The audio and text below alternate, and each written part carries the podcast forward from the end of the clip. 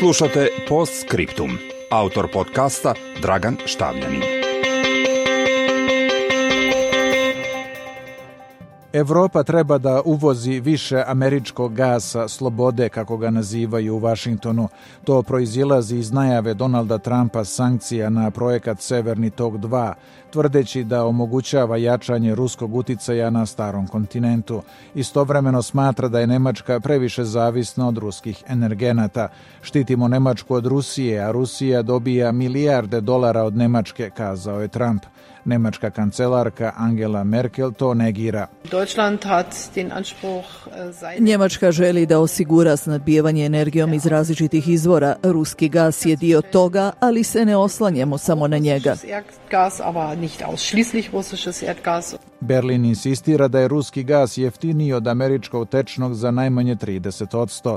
Međutim, u Vašingtonu ističu da se ne može gledati samo na cenu, već i pouzdanost snabdevanja. Ministar energetike Rick Perry. Smatramo da nijedna država ne treba da dominira u snadbevanju Evrope gasom. Svakako mislimo da nijedna država ne treba da koristi dominaciju kako bi prisiljavala ili pritiskala druge kao što Rusija nastoji sa Ukrajinom. 75 godina nakon oslobađanja Europe od nacističke Nemačke SAD ponovo šalju slobodu u novom vidu na evropski kontinent. Umjesto mladih američkih vojnika ona stiže u obliku tečnog prirodnog gasa, ističe Peri. US Snadbevanje američkim gasom ne omogućava Evropi samo slobodu da ne bude talac, već i znatno snižava troškove života, energije i proizvodnje.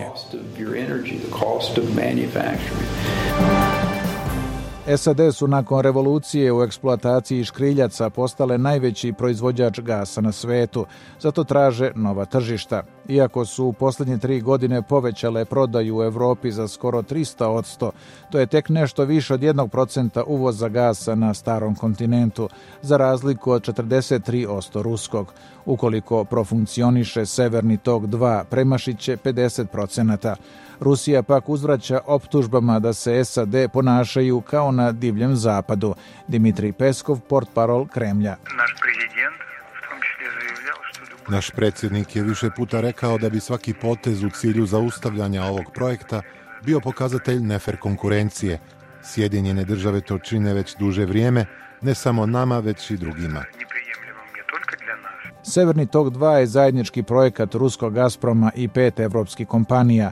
U Nemačkoj raste potrošnja gasa zbog odustajanja od uglja i nuklearne energije.